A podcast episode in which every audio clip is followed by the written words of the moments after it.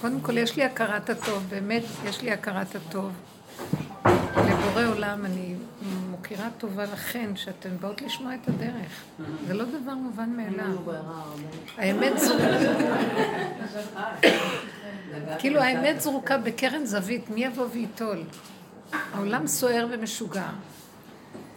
ואנשים כאילו רוצים את ה... רוצים חידוש ואמת והכל, אבל מי מוכן להשקיע בזה? כי מה שאנחנו בשכל רוצים אמת, לכל אחד יש איזו נקודה גרעינית ששואפת לרוחני, לאמת, לגבוה, לחיובי, אבל אנחנו לא מבינים איפה האמת.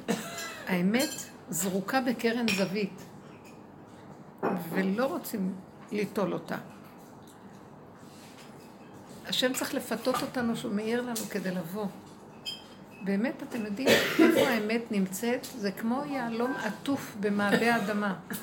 צריכה לרדת לאדמה כדי להשיג אותו, מסריח שם, קשה שם.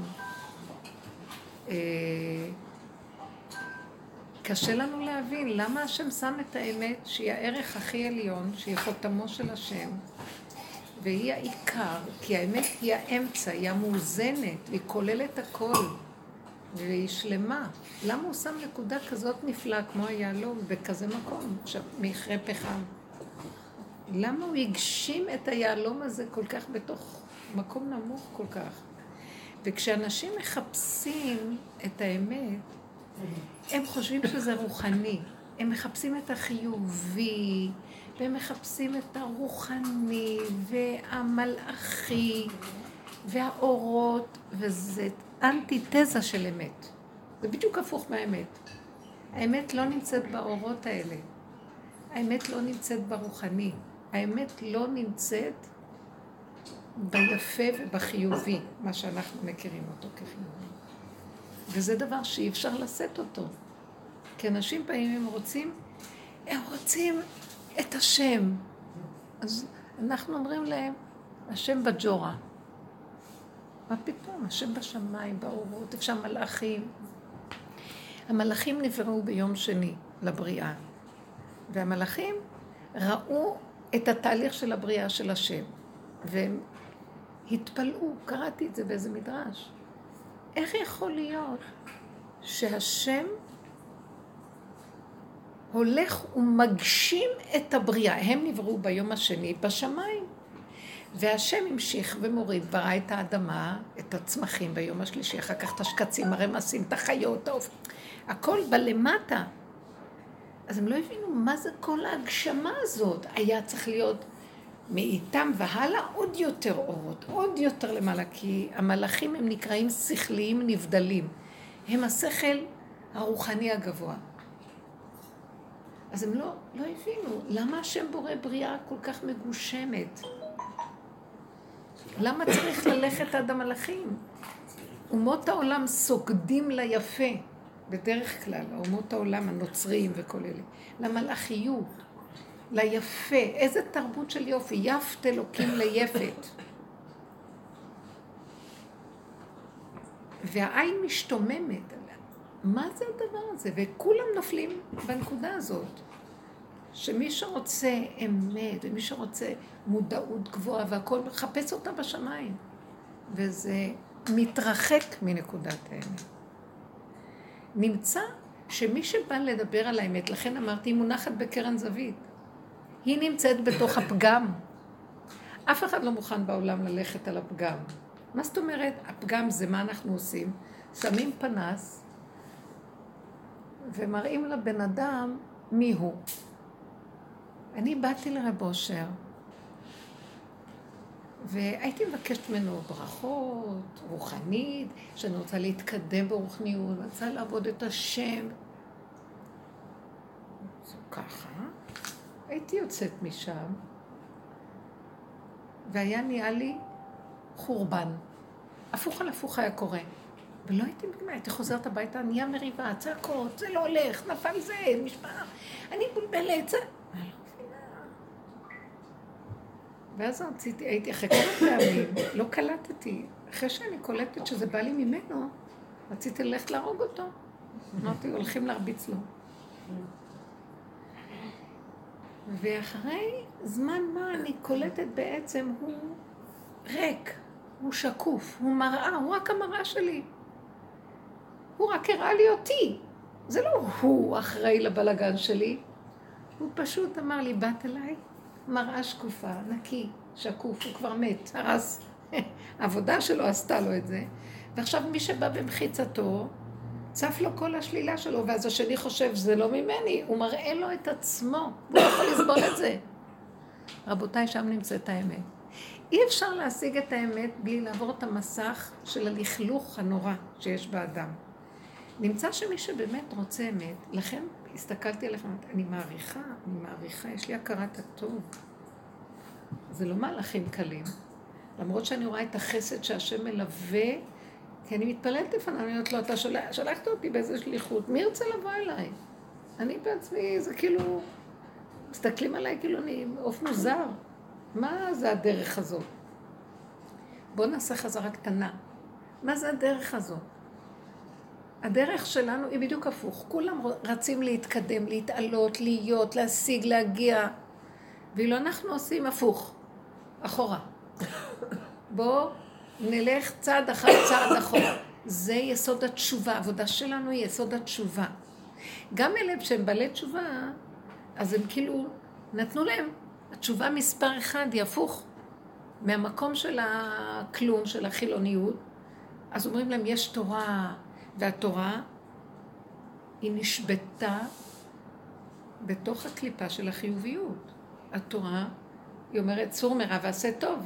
אז כל הזמן אנחנו צריכים להיות טובים וצדיקים ויכולים ושואפים ומשתדלים ומגיעים, היא כולה בתודעה של החיוביות והישות, רק היא צדקות מפני הרשעות. זה רשעות, בוא נגיד העולם, והיהדות והתשובה שעושים בהתחלה זה איך להיות צדיקים. אבל זה לא אמת. אבל בעל תשובה חוזר ואומר, אבל אני קיבלתי תורה, מה התורה לא אמת? התורה גם נשבתה בחיובי. התורה מכוסה, תורת האמת מכוסה בתורה, איך שאנחנו רואים אותה. כי, כי זאת התוכנית. סור מרע ועשה טוב. עץ הדעת רע, עץ הדעת טוב. זה הקללה, עץ הדעת. אין לנו ברירה. אנחנו לא יכולים לצאת ולהגיע לאמת אם לא נעבור את כל המהלך שבו נכנסנו.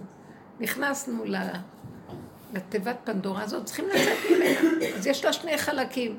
חלק אחד זה השלילה, דמיון השלילה, כי הכל זה דמיון. והחלק השני זה דמיון החיובי. אז בעל תשובה חוזר מדמיון השלילה, והוא בא לדמיון החיובי. כאילו הוא יצא ממצרים, ועכשיו הוא מקבל את התורה. אבל גם התורה שהוא מקבל היא, זה לא התורה של הלוחות הראשונים. הוא רוצה להיות צדיק, הוא רוצה להיות זה. תקשיבו, הוא מכסה את כל הג'יפה שהייתה קודם, ועכשיו נהיה לו מין אור, הוא רוצה להיות צדיק. הוא רוצה לעשות זה, הוא רוצה, רוצה, רוצה.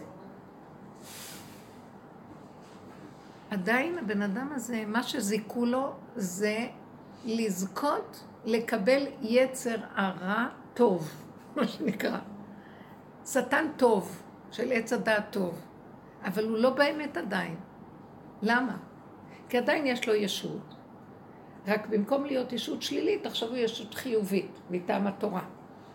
אבל הוא עדיין ישות. הוא לא באמת חי את מציאות השם. הוא יודע בשכל שיש השם, כי הוא רואה בתורה כתוב, ויאמר השם, ויגד השם, אה, וידבר השם, אבל באמת הוא לא חווה. אז הוא גם, הוא שואף למלאכיות. הוא הולך, תדעו לכם שהתורה התלבשה בגלות בתודעת הגויים. בשביל זה אנחנו גם ירדנו לאומות העולם בגלות. כתוב בפרשת כי תבוא, שאנחנו נרד לגוי, לגלות, אחרי שחטאנו פה בארץ, ונעבוד שם אלוהים מעשה ידי אדם, עץ ואבן. אז רש"י כותב, לא נעבוד עבודה זרה, אבל נעבוד כאילו בחשיבה של הגויים. מה החשיבה של הגויים? השאיפה הרוחנית, שזה הטרנד היום בעולם, רוחני, או חיובי, החיוביות. אבל הגויים עובדים ברמה החיוביות. רם השם על כל גויים, השם גבוה, השם יפה, השם, ככה אנחנו גם עובדים. אז אם השם הוא יפה וגבוה, אז הוא לא נמצא בתחתונים, בעולם למטה, והוא רק איפה שיפים, איפה שיש יפים ויפות, שם הוא נמצא. כתוב, ועלינו לשבח. כי השמי, השם בשמיים ממעל, ועל הארץ מתחת אין עוד. אז כאילו עשו אותו בשמיים ממעל, אבל על הארץ מתחת מה? מה, מה עם הארץ מתחת? זאת אומרת, בתהליך של התשובה הראשוני, אז מקבלים אור כזה שרוצים להיות בחיובי. אבל זה עדיין לא האמת. והעולם החרדי כולו בחיובי הזה. החיובי הזה זה תודעה של דעת שמעיפה אותך לחיובי. ואתה סבור שבגלל שיש לך דעת חיובית ודעת של תורה, שאתה כבר שם, ואתה לא מבדיל בין ההבדל בין זה שאתה יודע, ויודע בעל פה ויודע הכל, אבל באמת אתה לא חי את מה שאתה יודע. אפילו שאתה מקיים מצוות. פגשתי היום איזו אישה, אני, אני קצת מעריכה והשם יעזור לי לחזור. אה, פגשתי אישה בתחנה בבוקר שנסעתי, אישה חרדית, ואז היא אומרת, אה, את מוכרת לי, את מוכרת לי. לא, אני לא אוהבת להזדהות, כי אני מפחד מהעולם. אה, איך קוראים לך? ולא רציתי להגיד לה, בסוף אמרתי לה. אה, אני הייתי אצלך בשיעור, ואחותי הגיעה אלייך הרבה. אז היא סיפרה לי, אז היא אומרת לי שהיא הולכת, ל, הולכת לאיזה מישהו, היא הלכה למישהו שמסתכל בעין, וכזה מין מרפא, והוא גם דוקטור, והוא זה, מה זה, לא, גמרה לה ותעלה. אז אמרתי לה, אה, אבל אמרתי לה, אבל כתוב בגמרא שהטוב ברופאים לגנום. נכון, נכון, אבל תראי, בכל אופן יש גם, הרמב"ם אומר שצריך ללכת לרופאים, וצריך זה וצריך... אז אני מנסה להסביר לה שהרופאים זה אמצעי של הבורא. רוקנו את הבורא ואנחנו השארנו את האמצעי. מה זאת אומרת? אבל כתוב שצריך ללכת לרופא, והיא לא קולטת את הנקודה. אז... אה, אבל גם התנאים, כתוב ש... והתנאים... רציתי להגיד למה לך ולתנאים. מה שהתנאים דיברו, הם דיברו מתוך נקודת האמת. אז כולנו מצטטים את התנאים, והזוהר הקדוש וכולם עברו והכל. ויודעים לצטט יפה ומבינים מאוד יפה. בין ההבנה לבין האמת יש 500 שנה הבדל. וניסיתי להסביר לה, והיה לרגע שאמרתי לה, זה לא בסדר שהרבנים שולחים לרופאים. לא, לא, לא, את לא יכולה לדבר ככה על רבנים. כי אמרתי לה, זה הפחת מה שקרה. שמי שיש לו תורה, ומי שחי בתורה, התורה צריכה לרפות אותו. מהכל, פעם זה היה, הלכו לבכלל. אני עוד זוכרת ב, ב, בילדותי, בקטנותי, אה, לא הלכו בכלל לשום מקצועים. רק האמנו ברבנים. Mm. הלכנו לרבנים. אבל הולך ונהיה מצב שהרבנים בעצמם מאבדים את האור הזה הפנימי, ושולחים לפסיכולוג, למקצועי, לסקסולוג גם הם שולחים, כל מיני. ואין הדעת של ה... אז בסדר, כי ככה זה עכשיו, התרוקן הכל ונהיה... אז אה, היא לא, היא התרכזה עליי אפילו. כאילו היה נראה לה דברי כפירה. ואז אני מסתכלת ואני אומרת, עולם הפוך ראיתי. כאילו, יש לה את התורה בראש, אבל היא לא חיה עם השם באמת, כי אם היא הייתה חיה עם השם באמת, לא הייתה הולכת לאף אחד, רק הסיבה. גם אם הולכים לרופא, זה רק עם סיבה. הסיבה מובילה, והרופא הוא רק אמצעי. את אומרת לו תודה מדרך ארץ, אבל את יודעת שזה בכלל לא קשור אליו, הריפוי שלך. בחוויה הפנימית, הוא רק אמצעי. ואם את מדי אומרת תודה ומדי לשני, אז את עובדת עבודה זרה. כי הוא רק הכלי של השם, השם לא גוף, לא דמות הגוף, הוא צריך את הרופא, הוא צריך את הפסיכולוג לפעמים. אבל פסיכולוגיה כבר לא שווה. כל מה שקשור כבר לדרגות יותר דקות, זה עוד יותר גניבה. מה שנשאר הוא ללכת לסנדלר, זה יותר אמיתי מה שללכת. כי הם פשוט, פשוט לגמרי. גם לפעמים צריך לרופא אם את לוקחת אותו כסנדלר. אם את לוקחת אותו כבעל מלאכה שיש לו, כן, בסדר. כן, אבל אם את, כן, דווקא כסנדלר. ככל שאת לא נותנת לו ממשות, השם יכול להיכנס ולתת לך דרכו ישועה גדולה. צריך אותו.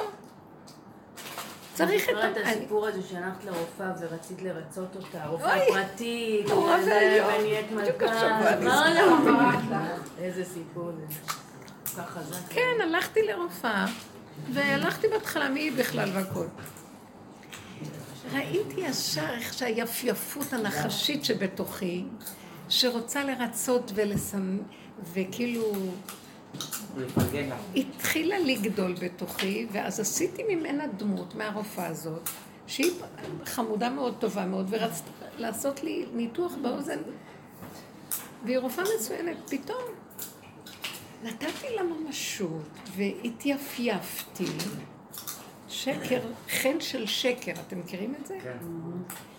ואז זרקתי את המילה פרטי, כי לא חשוב מה הייתה הסיבה. אז היא פתאום התיישבה טוב על הכיסא, ואני כבר נהייתי גבירה, כי אני לקחת אותה פרטי. והיא נתנה לי יחס לא בכלל בעולם הזה, פתחה לי את הדלתות, רשמה לי ישר בדיקות, ירדה איתי עד למטה, עשתה הכול. ועכשיו, ועכשיו פתאום נכנסתי, ואחרי שיצאתי ממנו, מה זה אני על הגובה הזה? דמיון הכל. ונכנסתי למצב שנכנסתי למצוקה אחרי הפגישה הזאת, וראיתי שאני לא יודעת מה לעשות, מאיפה אני אשיג כסף, אבל אני חייבת להשיג, לעשות פרטי. לא בגלל שאני פוחדת, בגלל שאיך אני ארצה אותה, כי, כי היא נתנה לי מלכות, איך אני אוותר על הדמיון של העשירות של המלכות שאני סידרתי לעצמי והיא פרגנה. וואי, לאיזה קבר הבאת את עצמי, בסוף ברחתי בלי בכלל שהתקשרתי אליה, וכאילו אני לא, לא התראיתי יותר. והפסדתי את האפשרות שתעזור לי. והכל זה דמיון שלי עדיין. ככה להגיד לי, אה, טוב, את לא יכולה לא נו. הכל דמיון, וראיתי את ה... וזה היפייפות הזאת, שמאוד מאוד קשה לפרק אותה, תלוי באופי של האדם גם, אבל בסופו של דבר כולנו חולים בתרבות הזאת, באופי הזה נורא ואיום. אז איפה נמצאת האמת?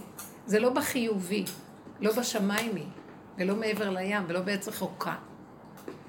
בפשטות של ראיית הפגם שבתוכך. כי אי אפשר להכיר את השכינה שבתוכנו עד שאנחנו לא מזהים מה הקליפה שמסתירה אותה. יש מסך שמסתיר. את חייבת לנגוע במסך הזה, והמסך הזה זה הפגם שלך. הפגם למעשה הוא הישועה שלנו. אם היינו מנטרלים את החרדה הכפייתית מהשלילה. זה מאוד מאיים עלינו, השלילה. כי זה משהו בתוכנת עץ הדת. אם תאכלו מעץ הדת וייתם כאלוקים. עכשיו, הוא קונה אותי כמו שהיא קנתה אותי, שינה. אני כאלוקים, אני כאלוקים, כאלוקים, כאלוקים, כאלוקים.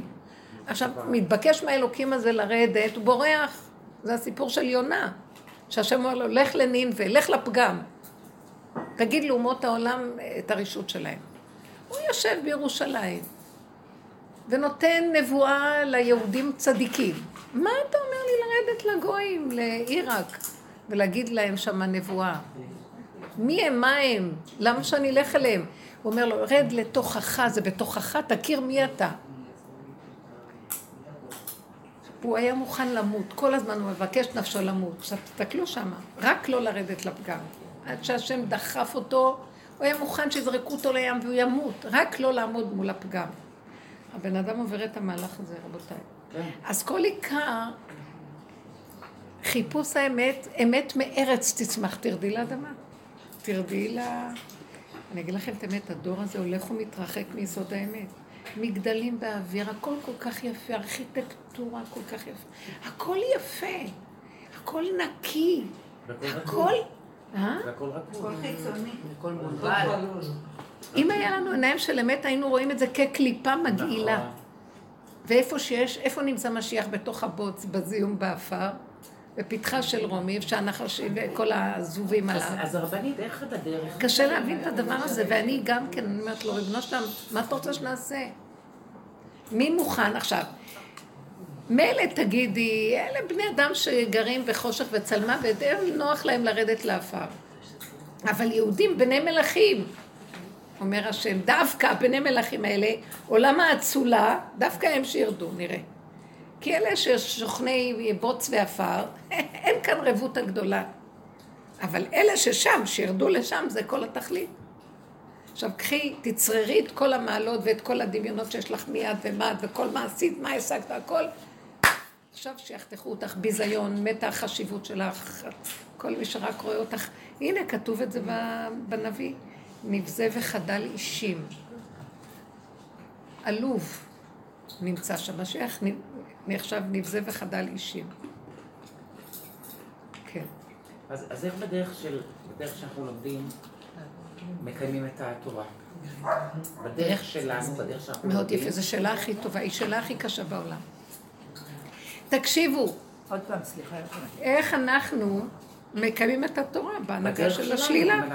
כי התורה ישר מכניסה אותך, אוי ואבוי אם תעשה ככה, אוי ואבוי אם תעשה ככה, כן, ואז כאילו- ישר את מתלבשת עם עשית מצווה, וואו. אבל זה החוכמה בנות, וזה לומדים את זה בדרך הזאת. התורה היא אותה תורה, היא תורה קדושה. מה, מה זה עץ הדעת שהתלבש על התורה? ההתרגשות, הגאות, האחיזה הרגשית, והמשמעות והפרשנות שאני נותן. עשיתי מצווה, וואו, אני קדוש. עשית מצווה כי אתה חייב לעשות מצווה. אתה בוט שעושה מצווה, כי אין לך ברירה. קדימה, הלאה. לא, אבל עשיתי מצווה, את יודעת, מי אני? את עשית מצווה? איזה מצווה עשית היום? תראי לי מה עשית.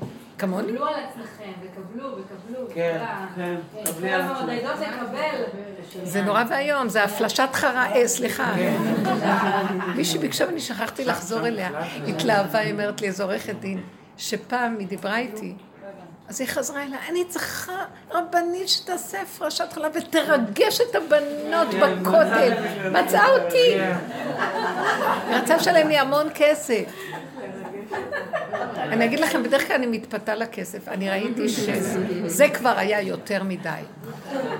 ולא יכולתי, לא יכולתי, ואמרתי לה, לא מתאים לי, לא מתאים לי, לא מתאים לי. למה? היא מאוד עשירה, והיא נתנה איזה סכום אגדי. לא מתאים לי. בלי זה היום זה לא הולך. באמת, לא עושים על בלי הרמקול הזה. חופשי. לא באמת, כמה חלה היינו עם ה... ואחת הגדילה לעשות, והייתי בהפרשת חלה, היא באה עם שופר, לא, היא תקעה בשופר, כולו מלא אבנים הכי יקרות שיכולות להיות. לא, אני הייתי בשוק, אני... היא קנתה את זה מהכסף של הפלשת חמה. זה קצת קשה לעשות מצווה בלי השכר הזה של להרגיש טוב. זה קצת זה מה שהיא שואלת, אז איך עושים? רבותיי, זאת המדרגה! תישארו בתורה ותקיימו מה שצריך, אבל אני אגיד לכם מה יעזור. בעץ הדעת, מאחר ואני גנובה, שיהיה לי מזה איזה משהו, אז אני רץ לעשות מצווה. בעץ החיים אתה חייב לעשות מצוות. אבל אני אומר לו, אם אין לי מזה שכר, למה שאני ארוץ? תכריח אותי, אני הולך. אני לא הולך סתם. אז למה יונה גם ברח? לא הולך. תניע אותי, לא הולך, לא הולך. משה רבנו לא רצה ללכת בשליחות של השם לגאול את עם ישראל. שבוע שלם השם מתווכח איתו. הוא אומר לו, שלח נביאה תשלח, אני מגמגם, אחי אהרון יותר גדול ממני. לא הסכים, עד שהשם כעס עליו ממש. כי הוא ידע שהוא יגנוב, הוא ילך עם הגדלות שלו. אה, אני אמרתי, אם השם היה אומר לי ישר עוד לפני שהוא אומר מה שהייתי רצה. השם שלח אותי, אני שליחה של השם. הוא לא רצה, כי הוא ידע מי הוא. הוא ידע שזה מאוד מסוכן. ואז כשהוא הולך בעולם עם הישות הזאת, ישר הנחשים והקרבים יאכלו אותו. אז מהמקום הזה הוא מתנגד. הוא אומר, אני לא יכול. אני לא יכול לא לגנוב. אני לא יכול לא לגנוב, כן. אתה שולח אותי. לכן הוא אמר לו, אם אין פניך עולות עמנו, אל תעלה לי מזה. אם אתה לא בא איתי לפרעה, אני לא הולך. למה? אני אומר לך, תלך, אז מספיק שהאמרה של השם, ואני בתוך המאמר שלי. לא, לא, לא, לא, לא, לא. עד שאתה לא מבטיח שאתה בכבודך ובעצמך שכינה איתי, אני לא הולך. כי אני יודע מה. בשניות שאני מול הקליפה נהיה כמוה. לכן הקיום המצוות במקום הזה זה לא כבר כמו קודם, עם הרוחני והחיובי והאצטלה דרבנה וכולם רק מציצים על כולם מי יותר ומי פחות ומדרגים ומקטלגים. בכלל אני לא רוצה שיראו, לא מעוניין במצוות, לא מעוניין. כי אני יודע שיש שם שטן מאוד גדול שגונב אותי. אז מה אני אעשה? אבל אתה כפית עליי הר כגיגית ואין לי ברירה. אז צריך להתנהג כמו בן אדם שאין לו ברירה. איך מתנהג אדם שאין לו ברירה, שכפו עליו? עושה בלי חשבון. עושה, כי אין לו ברירה. האדם הזה, השם נכנס דרכו ועושה. כי הוא לא גונב. עכשיו, זו הרמה של הקיום מצוות אצלנו. זה לא כבר... אה, אני אומרת, בדרך הזאת אנחנו רואים את הגנבות שלנו, ואז אין לך חשק לכלום. איבדת את הסיפוק. איבדת את הרוחניות, איבדת את ה... ממה, פתאום נאמר, ממה הסיפוק? מה יגידו? אין לי סיפוק מהסוכה, אין לי כלום, אני השתגעתי על הסוכה, הייתי מנשקת כל הזמן את העצים של הסוכה ואת הקרשים. מעמד הרוחני, אין לכם מושג. הגעתי למקום שאני כל הזמן נמצאת במטבח, לא הייתי שותה מים בלי להגיד ברכה בסוכה. בסוף אני גם אוכלת במטבח, ואני אומרת להם, אתה שם, אמרתי לו, אתה שמת אותי בסירים, נכון. וכל היום בבישולים, אז תשכח ממני בסוכה. שים אותי בכיסא על ה... שמקבל את הכל עד אליו, אז אני אקיים את המצוות של הסוכה. ואז פריירית מטומטמת. אני גם אהיה האיש, וגם אהיה האישה, וגם אני אהיה הרב והרבנית, וגם אני אהיה זקנת הדור, וגם לא, ואני אעשה הכל בכל מכל כל. עד שהוא החטיף לי מכות כאלה שראיתי. בקושי אני יכולה לעשות, בקושי לנשום כבר אין לי כוח. אז עכשיו המצווה שלו, אם הוא רוצה, יכניס אותי לסוכה ויזכה לי רגע אחד, דבר גדול. הכל נהיה קטן, אבל אמיתי. ובקטנה קליפה לא, אה, לא שמה עין רעה, מה שנקרא, ולא גונבת כן, לא גונבת. בקטן לא גונבים. לא. דבר הסמוי מן העין יש בו ברכה, ואתה מקיים בקטן, ונחשב לך. עכשיו, נחשב לי גם, אני אומרת לו, אני גם לא מחפש שכר, כי הכרחת אותי, שלום, אני עושה. ואז השם אומר, זה, שם נמצאת האמת. שימו לב להבדלים, כן, כן. לוקח לנו זמן להבין. עכשיו, אדם חוזר בתשובה, איך הוא נראה? אורות, ויותר מטפחות, ויותר כמה שיותר, וכמה שיראו אותו יותר, וכמה שהוא יחזיק מעצמו יותר. מישהו רק אומר לו איזה מילה, הוא נשבר לרסיסים. מה, הוא לא כזה קדוש? הוא מתחיל לשים דגש על דקדוקים ועל כל מיני... אה, הנהגות, והוא שם את החיים שלו, אין שם אמת, אבל הוא משתגע על ההנהגות והרוחני והדמיונות הרוחניים, ושם הוא חי, והשם רחוק, רחוק בכלל. אבל הוא חייב לעבור את זה, כי הוא חייב לעבור מפה לפה. היינו במצרים, יצאנו ממצרים. אחר כך במדבר קדשו אותם, ואחר כך הכניסו אותם לארץ ישראל. התהליך הוא שאנחנו בדרך הזאת עוברים 40 שנות מדבר. זה כמו 40 שנות מדבר. ניסיונות קשים ביותר. כל רגע נופלים וקמים, וקמים ונופלים, ועוד פעם מתלוננים, ועוד פעם קמים, ועוד פעם זה, ועוד פעם זה, ועוד פעם השם כזה, ועוד פעם... כי הם לא באמת, הם מסתערים לעשות איזה מצווה, בסוף הם עושים דבר הפוך, מקצה לקצה, כי מציאות האדם שהוא מלא נחשים ועקרבים, והוא צריך להודות בזה, ומתוך זה יזכו לו מצווה, אז יש לו מצווה אחת. להישאר בקטנות. במצוות, מה שהדרך הזאת אה, מגיעה זה שאתה מקיים את המצוות ואתה נופל, כי אין מה לעשות, כי נופלים עליה, אז גם לא מתרגשים מהנפילה, כי אתה מבין, זה אני. כאילו זה אני, אני בטבע שלי, אז אני ארדם ואני לא אעשה את מה שצריך ואני אעשה ההפך. כי בדרך הזאת כבר מגיעים להכרה שאני לא יכול לקיים את המצוות. אם אתה הכרחת אותי כי כפית עליי, אז זה עניין שלך, לא שלי. הנה הידיים והרגליים. יש מי שמזכה לבן אדם. אבל אני מעצמי לא ארוץ. וכשבן אדם לא רץ והוא יושב ועד אליו זה מגיע, שם יש נקודה. שמתם לב? זה מגיע כן. עד לאדמת בשרו. הוא לא רץ עם המוח שלו, שזה היצר מלשון לרוץ. הוא לא רץ. שם זה אמת. שם זה כבר יסוד של אמת. כשאני כל כך מתנגדת ואין לי חשת ולא רוצה, וכל מילה שנייה שלי, אם לא ראשונה, זה לא. שם זה יותר אמת. וזה קשה לבן אדם החיובי להבין דק, את זה. מאוד דק. מה זאת אומרת? זה מאוד דק. אבל זה מקום שמתגלה השם. עכשיו, מה אנחנו רוצים? מה החברה תגיד, ומה העולם, ואיך אני אחיה מהדמיון הרוחני הזה והדמיון החיובי, ומזה אני חי, מהדמיון, או מהשם, שהוא המנשים ומחיה אותי, ורגע אחד של אמת שווה את כל העולם. אני חוסה בצילו בקטן, ואני יודע שרגע הסתרת פניך הייתי נבהל, אל תסתר פניך ממני. כי נכון. כל העולם לא שווה לי על רגע אחד של אמת שאתה נותן לי. זו נקודה קטנה שיש בה איכות אטומית. אני מעדיף אותה, כולם היום רואים את זה פה. נכון. וכבר אני לא רוצה לרצות ולא רוצה להרשים אף אחד, ופרסומת וכבוד לו כל שכן. אבל כמה באמת אנחנו הזאת? איך? כמה? כמה באמת אנחנו מצליחים לחוות את הנקודה הזאת? אל תגידי כמה. נקודה קטנה, פעם ב... שווה את כל העולם. אתם לא מבינים מה זה האיכות של האמת. היא נקודה אחת קטנה פה, נקודה פה, נקודה פה. עכשיו קנה את כל עולמו. זה מצטרף אצל השם. הבעיה של עץ הדת, הוא מרים ואומר, וכל זה אינו שווה לי כמו המן, יושב על העץ למעלה. מה, גם זה משהו?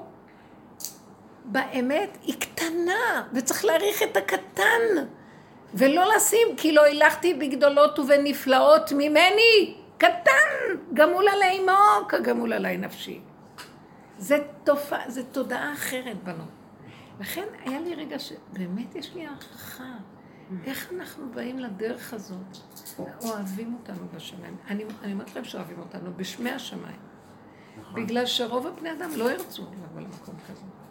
וזה לא רק שאנחנו כבר הגענו לשם, אבל זה מין תהליך כזה. עכשיו, תגידי, יש כאלה שיגידו לי, למה נכנסתי לדרך? אמרתי להם, תנסו לברוח. נכון. תנסו לצאת. דרך אחרת אין. כי אחרי שתואמים את נקודת האמת, ויש פה איזו מתיקות, לא מהעולם הזה, קשה כבר ללכת אחורה. כן. אפילו שעוד מתגעגעים, והדמיון השאר אומר, מה היית פעם, ותראה מה נהיית, מה היית פעם? הכל דמיון במוח שלך, אף פעם לא היית כלום. כל אחד מדמיין לעצמו מה הוא יהיה פעם. אתם מכירים את זה? כן, הגעגועים. תמיד הגעגועים הדמיוניים לכלום, אף פעם הוא לא היה כלום, זה רק הוא מדמיין לעצמו. כל העולם מלא דמיונות, וכל היום בוכה על מה שהיה שעכשיו אין. אבל יש משהו שהוא לא דמיון, הרבנית, כן. אני מרגישה שאני, קודם כל יש לי איזשהו משהו מכור בטיפוס, אני קצת טיפוס מכור, כן? שיש לו איזה תיאל התמכרות, ואני מכורה לדמיון החיובי. אני חייבת להגיד לך. כל אחד מכור, בתודעת עץ הדת אנחנו מכורים. אין, אני לא יכולה לא. לדמיון? כל הזמן חזר לי. הרצון הזה להיות חיובית, להיות משהו, להיות גדולה, אני לא יכולה. אז למה את אומרת דמיון חיובי? זה דמיון, זה דמיון. אני יודעת שיש לך נקודה עם זה. זה דמיון, כי אין חיוביות כזאת. זה הילה ואווירה של דמיון שיוצרת זה, אבל זה לא באמת, אין חיוביות. אבל יש באמת גם השם, את לא יכולה לקרוא לו חיובי. אם השם הוא חיובי, אז מי זה השלילי? הלוא מלא כל העולם כבודו, והכלול בו הכל בו הכל, והוא לא כלום. יש התמכרות. שם, היא כל הזמן שם. את רוצה להגיד לי שעכשיו בקטע הזה... אה, לא, אז אני אגיד לך, ותתעקשי על דבר הזה. כל פעם שאת רואה את הפגם הזה חוזר, תצייני אותו, ותגידי, הנה זה השקרן. ואני כבולה בו, לא תודי באמת. תודי באמת ותגידי, אני כבולה בו. לדוגמה, עכשיו שאת, עכשיו כשאת אני רוצה רגע להסביר משהו, שתביני את זה. לא, כשאת עכשיו רגע, רגע, כשאת, סליחה, כשאת מדברת על חיובי שלילי זה מול העולם. כשאת מדברת על אמת זה מול בורא עולם. האמת כוללת את שניהם גם יחד, וכולה בסך הכל משוללת, לא זה ולא זה. היא כוללת וגם משוללת מכלום. עכשיו הנקודה הזאת, כשאת אומרת חיובי, ואת גנובה על זה, זאת אומרת, את עוד בתודה שאת רוצה עולם שיראה אותך, כי אף אחד לא רואה אותך. גם זה שאת עם עצמך רואה את עצמך, גם זה כמו שני אנשים בתודעת עץ הדת. זה את והתודעה שרואה אותך וחוזרת ומבקרת אותך, וחוזרת ונותנת לך אה, זה, זה אישור. אז זה עדיין עולם, זה עדיין תודעת עץ הדת והעולם. אני מדברת, אין לו חיובי, לא שלילי. מה כן יש? איך שזה ככה. אם עשיתי ככה, ככה זה. איך, איך, איך התנהגתי בשיעור במוצאי שבת, מגיעה אליי אחת, קומנדו, משהו שאפילו אני לא עומדת לידה. כי היא כנראה על סף שיש לה איזו נטייה רגשית מאוד גדולה והיא מתפרצת כל הזמן. עכשיו, אה, היא הגיעה למקום בעבודה, שעכשיו, וכל הזמן אנחנו עובדים על להפק ולא להוציא את השלילה החוצה, כי זה בינינו לבין עצמנו, ולהסכים שזה אני, אבל לא להוציא. היא אמרה, הגעתי למקום שאני לא יכולה כמה שלא עבדנו, תמיד הגענו גם למקום שאמרנו, עכשיו יוצא, אפילו אם יוצא, לרגע יוצא, תסכימי. הגיעה למקום שהיא אומרת לי, כל היום אני מקללת את זה, הרגתי את זה, והיא אומרת להם, אני הורגת אותך, אני שונאת אותך, אני אהרוג אותך, אני אשחוט אותך, אני אעשה את זה. השכנה רצתה סוכה, אז היא אמרה לה, עכשיו, השכנה רצתה סוכה בשטח שהוא לא שלה, וגם לא של השכנה, אבל זה שטח שכל מי שרוצה יכול לעשות איתי משהו, ולה יש לה סוכה במקום אחר. אז היא אמרה, אני, השכנה הזאת, יש לי איתה איזה חשבון שהרגיזה אותי, ואז כששמעתי שהיא הולכת לעשות סוכה, אני הרמתי אליה טלפון ואמרתי לה, תקשיבו, זו אישה חרדית, בעלה למד, תלמיד חכם מפונוביץ', והיא אמרה לה, אם תעשי סוכה, אני אחריב לך אותה, להשאיר לך מטר על רבע מטר. עכשיו תקשיבו, זה שפה אלימה, זה לא מתאים לעולם ולציבור שלנו. והיא אישיות כזאת שנחשבת חרדית והכל. היא אמרה, הגעתי למקום שלא היה אכפת לי איך אני נראית בעיניה. והבנתי שזו העבודה שהוא מביא אותי. אני לא חיובית לגמרי, הפוך על הפוך. יותר גרועה ממה שגרוע. וזה מה שאני... לא עכשיו, אתם לא מבינים איזה מדרגה... עכשיו, רגע, היא לא עומדת עכשיו מול האישה בכלל, היא לא עומדת מול העולם, היא עומדת מול הבורא עולם שלה. ואומרת לו, זה מה יש, הוא אומר לה, אחלה, הגעת לנקודה. רגע, מה הוא אומר לה?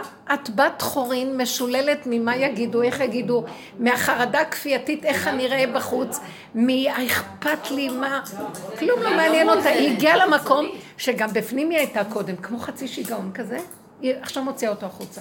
וכולם מפחדים ממנה, והאמת שהאישה הזאת, האישה הזאת, היא אומרת, למחרת יצאתי, למחרת הלכתי, אמרתי לה, מה נשמע? והאישה הזאת אמרה לי, הכל טוב. אז אמרתי לה, סימן שאת הלכתי נקודת האמת כל כך, כי גם אצלה זה לא. הבורא עולם סידר את האחדות ביניהם, והיא לא התנצלה ולא אמרה, אוי, איך הייתי נראית, כלום. השלימה לגמרי. עכשיו, מה היא מראה לי? וזו תשובה לך. אין חיובי, אין שלילי, יש רק אני ובורא עולם, וכל השאר זה רק המראה שמראה לי.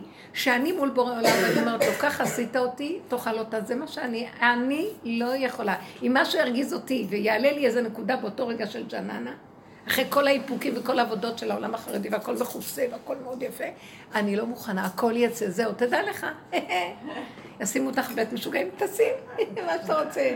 סבבה. זה אותך שמים בבית משוגעים, לא אותי. אבל שאלה לי אלייך, קודם כשאת, בתחילת השיעור, שאת... עודד ובירכת על, על זה שאנחנו באמת באות לשיעור, ושהשיעור הזה מתקיים בכלל, וזה, זה, זה, הייתה, זה, היה, זה היה רגע של איזושהי הודיה ושמחה. הכרת הטוב. הכרת הטוב. אז זה דבר זה לא חיובי. זה לא חיובי? זה לא, אתם מפ... אז אני מדבר, זה החיובי בעיניי. זה לא נקרא חיובי, זה נקרא הכרת הטוב. תדייקו במונחים. אה? חיובי, חיובי זה שאת רואה את הכל באור של הטוב. בפרשנות שלך במוח זה טוב. כאן זה הכרה טובה גם לדבר הכי שלילי שיכול להיות. מה, מה, את יכולה להגיד, למה שאני הכרת הטוב על זה שהוצאת אותי משוגעת בשכונה? כולם רואים אותי מוזות משוגעת? לי לא אכפת כלום שיגידו. היא בת חורין והם כולם משועבדים למה יגידו, והיא יצאה מזה. עכשיו, מי כאן משוגע, תגידו לי? עולם הפוך ראיתי, נכון? אז זה קשה להסביר את זה. היה לנו השבוע דיבור על הנקודה הטובה של רבנו. שלכל אחד צריך למצוא... כן, זה הדבר שהכי הלכו לאיבוד בו. אין לי, אין לי שיניים. זה בדיוק משהו שהלכנו לאיבוד. לא נורא, לא נורא, לא נורא. זה משהו שהלכנו לאיבוד בו, שכולנו, רובנו... אה, כן. מפרשים את זה לא נכון. רב אושר אמר בזמנו, הוא אמר לחתן שלו, אמר לו, מה זה הנקודה? הוא אמר לו, רב אושר אומר, אין נקודה אחת טובה בבן אדם. שמעתם? כזה נקודה אקסיומטית מוחלטת, אין נקודה אחת טובה באדם. כולו פגום. אמר לו הרב וסרמן, החתן שלו, שהוא דיין, אבל רבי נחמן אומר שיש נקודה טובה באדם. אז הוא אמר לו, הנקודה הטובה באדם שרבי נחמן התכוון, זה האלוקות שבאדם. נכון. אבל זה לא החיוב, לא, את מבלבלת מהחיובי. זה אני שמתי עלייך עין ומפה. אי אפשר לא להתבלבל, אי אפשר לא להתבלבל, זה נורא קשה, גם אני מבולבלת. אז בסדר. יש לי שאלה. אבל ברור שרבי נחמן אמר את זה. כי שזאת הנקודה החיובית שזה הקדוש ברוך הוא. אבל אנחנו, כאילו. אבל התלמידים שלו בעץ הדת מפרשים את זה החיובי של העולם. של האני. נכון. בדיוק, בדיוק. זה איך שאנחנו לוקחים ומפרשים, ולקחו ועשו נכון, הזמרה, הזמרה שלמה לנקודה חיובית, הם טועים לגמרי. לא, עד שבא, רגע, רגע. רגע, עד שבא, עד שבא רב אושר, והוא מפרש הנקודה הטובה. רב אושר בלי רבי נחמן, רבי נחמן בלי רב אושר לא יכול. כי זה ראש השנה, זה בראש, וזה כאן ביום הכיפורים בתחתיות של השאול. כל הווידויי פגמים שיש בעולם. כי לזה הוא התכוון. כי להישאר שם עם המדרגה החיובית ישור, עוד פעם נעוף על הרוחניות. באמת אנשים הולכים לאומן עפים ברוחניות. זה צריך לרדת למטה, בתוך הפגם. בעצם אז הנקודה הטובה של רבנו, סליחה, הנקודה הטובה של רבנו מתכוון, זה נקודה של, זה השכינה, שנמצאת בבן אדם. אבל כדי, אבל מה בא הרב אושר ואמר? מכרת לנו רעיון נשגב. אבל כדי להגיע אליו צריך לרדת ללכלוך, כי מאחורי השכינה, לפני שאתה מגיע לשכינה יש מסך ברזל של תינופת. קליפה, מה שנקרא. קליפה, ואתה חייב לעבור אותה. הרבן שם טוב אומר שצריך לעבור שבע מדורים כדי להגיע לשכינה. שבע מדורי דמיון, להפיל אותם. אז כולם עפים על הנקודה הטובה, את זה קנו מיד, זה השקר של הנחש שנכנס לברסלב הזה. בגלל זה היה לי התנגדות לברסלב מה. הכוונה אז שרבי עקיבא אומר כל מאן דאביד רחמנא לטבעתי? כל מה שהשם עושה הכל לטובה. אז מה, לא, שנייה, אז באמת, אז מה... בואי תקחי. כל מה שעושה השם לטובה, זאת האמת. אם דבר הכי שלילי שקורה, זה הטוב. זה הטוב הנצחי של השם, אבל זה לא מה שאנחנו מתכוונים. אדם עובר איזה משהו שלילי, הוא נשבר לרסיסים. אז זה לא חיובי בעיניו. כאילו מנחם את עצמו שזה לטובה, אבל הוא לא מרגיש שזה טוב. הוא לא חי את זה, כמו שהיא מדברת איתי על התנאים ועל הכל, והיא חיה, היא, מתה על הרופאים. היא הלכה לאיבוד ברופאים. לא חיים, הדעת מסתירה, חושבים שאם יש דעת, אז הם כבר שמה. ואז בא ניסיון הקטן, נשברים ורסיסים. אז, לא אה, עומדים בו. הרבנית, איך את יכולה לפשט לנו את זה? למשל, אה, להוריד את זה לעבודה, נגיד מול חינוך הילדים. שאנחנו רואים, נגיד, אה, שיש ילד שכאילו הוא אה, אה, מתסיס את הבית ושהוא נהיה עצבני וזה וזה, ואתה כאילו, אתה אומר, מה אני אמור לעשות כשאני רואה את ה... כביכול את הפגם שלו, אני מבין אבל בנות יקרות ואהובות, כל כך הרבה הדרך הזאת, אז בואו נעשה חזרה. כשאת רואה את הילד עצבני ואת חרדה לעצבנות שלו ואת רוצה לחנך, תסתכלי על עצמך, הילד ינק ממך, את החרדתיות הזאת, את העצבנות הזאת. זה שאמרנו, דבר ראשון זה לא דבר אחרון גם. אז תתחילי לעבוד עם עצמך ותגידי, עד שתלכי לחנך אותו, תחנכי את עצמך. מה החינוך שלי? קודם כל החרדה הזאת, שישר אומרת לי, אז מה תעשי עכשיו, מה תעשי עכשיו? אין מה לעשות. עצם ההכרה ושירוש הנקודה בתוכי, וקבלת אחריות, והכרת הודעה באמת, כמו יום הכיפורים, על חטא ועל חטא ועל חטא, עצם זה מכניס אותך פנימה, זה תהליך התשובה הכי נכון. זה התשובה של האמת, זה לא התשובה של סור מרע ועשה טוב של עץ הדת. זה תשובה לשוב לשורשים, השורשים שלי, ריבונו של עולם, אין מתום בבשרי מפני זעמך, אמר דוד המלך. ורק אתה יכול להחזיק אותי. דוד המלך הודה ואמר, חטאתי נגדי תמיד. בהתחלה הוא אמר, שיוויתי השם נגדי תמיד, עד שהשם לא הראה לו מי הוא בכלל. ואז הוא אמר, חטאתי נגדי תמיד, התמיד הזה כנגד התמיד הזה. אי אפשר לעשות שיוויתי השם בלי התמיד השני. אז כשהוא נכנס לנקודה הזאת, משהו בילד נגע, והילד מתהפך. לא מאמינה כמה? זה עוזר. זה? לוקח זמן, זה תהליך, ואם אני מתעקשת איתו ולא מגיבה כל כך, ומאפקת החרדה שרוצה להגיב ולעשות פתרון, פתרון, מה לעשות? אין לי פתרון. אין לי פתרון, אני נגועה. אז אני עובדת בשורש. כשאני נוגעת בשורש של הדבר, הילד מקבל ישועה. וזה עובד, אני יודעת שזה עובד, אני נכון, מודה נכון, להשם. כן. לולא תורתך, רב אושר שעשועי, אז עבדתי בעוני. אני זוכרת שתקופה, שנכנסתי בדרך, הילדים היו קטנים, ובעלי אומר לי, מאז שאת הולכת בדרך הזאת, כל הבית מהפכה. הכל משונה. כולם רבים עם כולם, הילדים. ואין כאן טיפת סדר. וזה לא צורה לחנך, את לא מחנכת, את- הוא היה מאשים אותי. כן. ואני רק שתקתי ואמרתי לו, יש דרך שהיא ארוכה, אבל היא קצרה, ויש קצרה שהיא ארוכה. נכון. אני בוחרת את הדרך הזאת, תמתין ותהיה בסבלנות. ואז עבר איזה ארבעה חודשים, משהו כזה, ו... וזה באמת היה סערה. והייתי רק צועקת להשם ומתאפקת לא להגיב. עברו איזה ארבעה חודשים, משהו כזה, והתחלתי לראות כאילו יד נעלמה עושה סדר בבית. נהיה שקט. נהיה שקט. הילדים נרגעו, משהו נכנס והתחיל להיות רגיעות. אני הייתי רגועה. לא הרמתי את הטון, בסדר, תתכנסו קצת, שיהיה שקט. אני גם באה מתרבות כזאת, שצריכים, עד שלא הכרתי את הדרך. אצלנו בבית כל הזמן צריך להגיד דברי תורה. ועד שהגעתי למקום אז אין דברי תורה. אז שיאכלו, זה שקט. לא, אבל צריך להגיד דברי תורה. זה מפריע לאכול לפעמים, כי רוצים שנקשיב, אז לא נעים לך ללעוס כשמדברים לך דברי תורה, אז כאילו זה... לפעמים אני מרגישה שדבר תורה זה מפריע לי, כאילו, כן? אז את בעניין, אני הכנתי הכל וזה, ועכשיו הוא בא לאכול, מזיזה לו את הצלחת דבר תורה, אין אכזריות יותר גדולה מזה. מה זה אכזריות? אך זר, מנותק לאמת. אמת זה עכשיו אוכל כזה טעים, בוא נאכל ערב שבס. לא, גבוה, יפה. אז זהו, אני קלטתי שלאחרונה, כאילו, נהיה לי איזשהו, שמתי לב שכאילו, נהיה לי איזשהו כאב על זה שאין לי שולחן שבת כמו שצריך, פרשת שבוע, זמירות, עניינים, בלאגן אחד אה, גדול. ולאט, לא, ולאט לאט כאילו עם הדרך וזה, זה היה צמצום, זה לא קשור, הייתי מוצאת את עצמי כאילו שותה לי את הכוס יין, אוכלת, מתענגת על האוכל וכאילו נכנסת פנימה.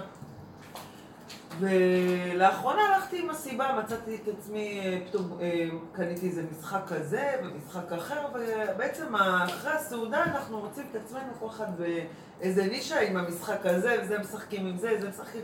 אמרתי, זה גם סוג של עונג שבת, זה גם אה, כיף. אז לא הולך על דבר תורה, אז לא, לא, אבל כן. מאוד נעים. כן. כאילו נעים, טוב. שלום, שלווה. כן. כי למה אנחנו אומרים, אפילו. בדבר תורה השם נמצא, אבל במשחק הוא לא נמצא? זה הכי דבר תורה. אין מקום שהוא לא נמצא בו אם אתה מכוונן לנקודה. בנית, אני, השיעור הזה גורם לי להרגיש כמה אני רחוקה מהדרך. כולנו. בבקשה, אל תתחילי להתייאש, ו- כי כולנו. שרון. למה? לא, בגלל בסדר. שאני מכורה לחיוביות, בגלל שאני צעקנית, אני עצבנית, אני... אין לי את הריכוזיות הזאת של הזה, אין לי את הסבל... אין לי כלום. כולם את יודעת משהו אני רגע? רוצה להגיד לך משהו. השבוע אני. החלטתי לקנות, הייתי צריכה לקנות נעליים לגדולה ונעליים לשלישית. ואמרתי, טוב, אני כבר אצא עם כולם. זהו, נכנסתי לגובה אריות. תקשיבי, לצאת עם כולם מהבית, זה, זה, להתעסק עם כולם כל הזמן, זה לא פשוט. קודם החלטתי לעשות חלוקה, או שאני יצאתי עם הגדולים, או שאני יצאתי עם הקטנים. אין, את יודעת, זה, זה נורא קשה. כולם ביחד, אפילו ב- משה אמר לי, איך עשית את זה? אמרתי לה, לא יודעת איך עשיתי את זה, אז זהו, עבר, נגמר, זהו. היה לי כאב ראש וזה, ואת יודעת, זה באמת לא פשוט. איפה שאפשר להימנע, תימנעי. כאילו, את יודעת, להיכנס ולנסות להיות, את יודעת, הכל ביחד והמושלמות, וגם לשבת את השיעורים וגם לעשות את זה. רגע, אז אני אגיד לא, נקודה. אני לא, נמקד. זה לא המקום רגע. לא לזה אני מתכוונת. אני רוצה לשמוע. מה שאת אמרת, העיר לי נקודה. כשהבן אדם אומר, אבל אני לא מתחיל. והוא מסתכל ואומר, מאיפה אני אתחיל? מה אמר דוד המלך? אין מתום בבשרי. כשאני רואה מה שאת אומרת, לעומת מה שאני, אני לגמרי... כאן נקודת הישועה. נכון. שהבן אדם רואה באמת, הוא אומר, מאיפה אני אתחיל? עכשיו הוא אומר, או, אתה אהוב עליי, כי אתה רואה שאתה אפס וכלום. מה שאחד אומר, תראי, מה שאת אומרת, 80 אחוז אני בסדר, אבל 20 אחוז יש לי עוד מה לתקן. לא, היא אומרת, אין, תחפשי איפה יש. אבל רק את תתייאשי. עכשיו מה את עושה? הכרזת אמת. זה מה שאני, רק לא להתייאש.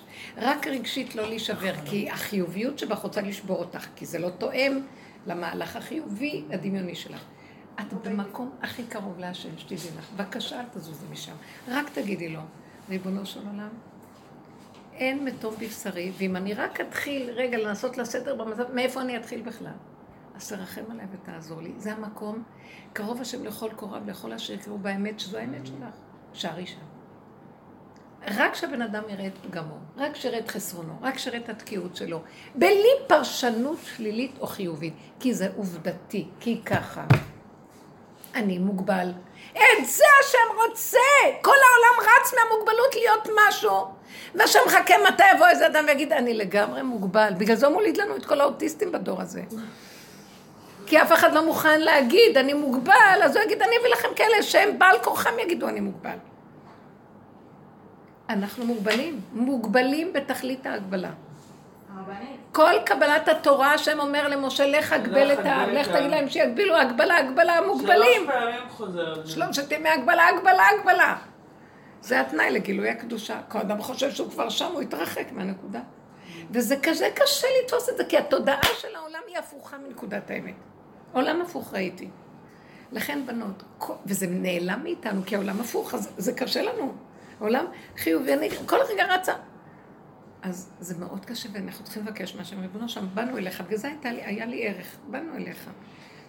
בבקשה, אנחנו בתוך העולם עם הילדים, עם הנישואים, עם הכל, לא יצאנו, אני לא במדבר לבד, עם הדרך לבד. אני מושפע מהעולם, והעולם כולו רץ על הטרנד החיובי, והגדלות והחשיבות. איך אני אעשה שאני אהיה קיים ואני לא אמות בעבודה? איך אומר דוד המלך לא אמות כי יחיה, הוא מת חמישים אלף פעם. כי אז הוא הכריח את הבורא עולם להתגלות עליו, הוא אומר לו, אני לא יכול בעולם לבד, אם אתה לא איתי, אני לא יכול, ואת זה את צריכה להגיד לו. אי אפשר לקיים את הדרך הזאת באמת פה בלעדיך.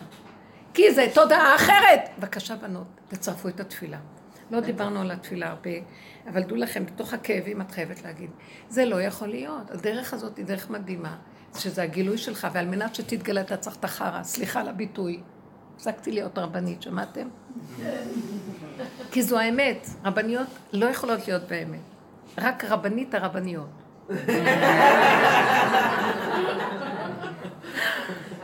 אז זאת אומרת, רק במקום הכי מלוכלך אתה יכול להיות, וכשאני מגיעה לשם אני נשברת, אז תעזור לי פשוט לא להישבר, כי זה המקום הכי נכון. זה דבר שצריך להבין אותו. המלאכים לא הבינו מה השם עושה, הוא הולך ויורד בבריאה. בספירת העומר אנחנו הולכים ויורדים ויורדים בספירה, נכון? עד היום ה-49, שזה המלכות של המלכות, החושך הכי גדול. שם הוא נמצא. וזה קשה לנו לתפוס את זה, ולא בשמיים היא, ולא בעבר לים, לא בצחוקה, בפיך הוביל בבך. קטן, כאן ועכשיו בנקודה. עכשיו, כדי להגיע למקום הזה וכדי שהשם יכול להתגלות עלינו, קחו תרגיל. אחרי שדיברתי איתו, כי את רואה שהחיובית הזאת מייאשת אותך, תחזרי, אחרי שאמרת את זה, תסגרי תיק, יש לך רק רגע אחד של וידוי. תלכי על היחידה של כאן ועכשיו, היחידת הזמן הכי קטנה והמקום. עכשיו זו הייתה סיטואציה כזאת, ואז הייתי נאלץ לבכות ולהגיד לו, אחרי רגע, התקבלה התפילה, שלום, אני לא יודע, שלום, אל תחטטי, אל תישארי במוד הזה. קדימה, קדימה, קדימה, רגע הבא. והוא שמע את התפילה והוא ייכנס בה.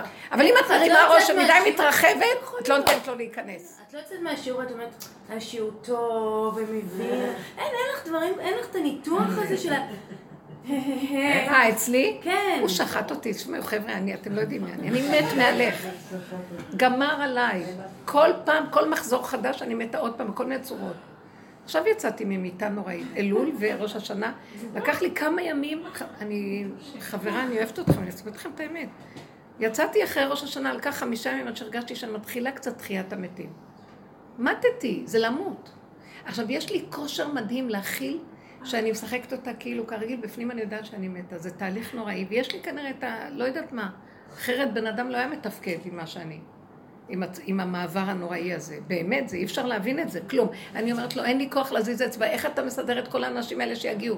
זה הוא מסדר, זה הוא מזיז את האצבעות. זה לא יכול להיות אחרת. בפנים, אני מת. אז עכשיו, אחרי שכל השולחן ערוך ואנשים באים והכול, זה אני? אני יודעת שאני מתה, איך יכול להיות שאני אתגאה? עכשיו, אני באה מדברת, זה אני? הלוא אני, אין לי מילה להגיד, אין מילה בלשוני, אני מת מהלך.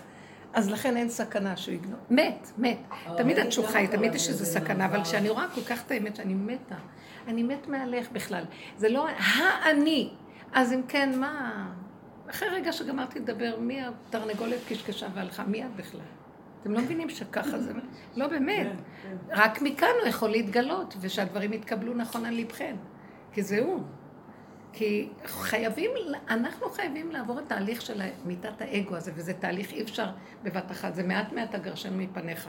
כל פעם עוד מחזור של, ועוד מחזור ועוד מחזור. עד שהוא גומר עלינו לגמרי. בסוף אנחנו אומרים לו תודה. אבל בכל הזה אין שום נקודה אחת של שמחה של... כי הקליפה מייסרת כל הבני אדם מאוד מיוסרים, אנשים משוגעים. מרוב גדלות ושיגעון הגדלות, אנשים חולי נפש. והם תקועים, והם לא יודעים מה לעשות, פחדים מה יגידו עליהם, איך יראו, לא יראו. מאוד קשה. יש לי שאלה לגבי השאלה שדיברת עכשיו. רק שנייה. תודה על המים, תודה על המים. לגבי התפילה שדיברת עכשיו, אני... אני, אני שמתי לב לאחרונה שאני מגיעה לנקודה של אמת בתפילה, נכנס לי פחד. כאילו שאני, פתאום נכנס לי, כאילו, מפריע לי עץ הדעת עכשיו, לפתוח איתו את הדוגרי שלי, כאילו אני מפחדת שאני, שאני אולי כופרת, אולי אני זה. כאילו אם אני לא זורקת באותו שנייה את השכל וזה מתפרץ ממני, אני, אני מתחילה, לי, אני מתבלבלת. אני... אז רגע, רגע, תסכימי שאת כופרת. תסכימי. אין לך דבר יותר עליון מהסכמה. אני כופרת. עכשיו, את יודעת מה באמת? מי שהולך עם הדעת של עץ הדת הוא הכופר, ומי שהולך עם האמת, הפוך. אבל היצר יבוא אתה כופר, כדי לפרק אותו ושיברח מהאמת. כן. אז תגידי לו, אני כופרת. לך תגיד לבורא עולם שאני כופרת. כן, תגיד לו, אני כופרת. אני הכי, אין, אין יותר גרוע ממני, אני הגנבת הכי גדולה. הכ- לכי על הפגם. צריך כאן עוז ותעצומות לדבר הזה. כי באמת אין לנו מה להפסיד. תחפשי, אין לך מה להפסיד, אחורה את לא יכולה ללכת. חבל לך. אתמול. אני הרגשתי שאני ממש מתעצבנת עליו, כאילו, אז הרגשתי שאני... אמרתי לי, את תרגי וזה, ולא יכולתי, הרגשתי שאני מתעצבנת, התחלתי, לי- כאילו, נכנסתי לחדר, ביני לבין עצמי, אמרתי לו, תפסיק כבר לשחק איתי מאחוריהם, אני לא מסוגלת עם זה יותר. תפסיק להתחבות לי, כאילו. זה בדיוק מה שהאישה היום התנהגה באותו, לא, לא, לא, אני לא רוצה לשמוע. כאילו איזה דברי כפירה. את בכפירה, אפילו לא קולטת. את מנותקת מהשם, האגו שלך גונב הכל ואת חושבת שזה את. ובאמת, את רחוקה כרחק שמיים ומערב, מזרח ומערב. ואי אפשר לדבר לבני אדם, כי ככה זה וזהו זה. היה לי רגע של כאבים, ואחר כך אמרתי, והתחלתי לשנוא אותה. ואז אמרתי, אתה לא תפתה אותי לשנוא יהודים, לך לעזאזל. דיבר- כי אני רואה את השד מופיע, כל רגע הוא מופיע. ואז אמרתי לו, מה שהיא אמרה, אמרה, וזה מה שהיא, ואי אפשר את כל העולם. מי שנכנס ויודע, יודע, וזהו שלום. למה אני עוד כאובה? כי אני עוד רוצה להיות משהו על ידה. אז זהו. וישר ראיתי שזה עוד האגו שלי רוצה להיות אהוב והמשפיע הראשי. זהו, זהו.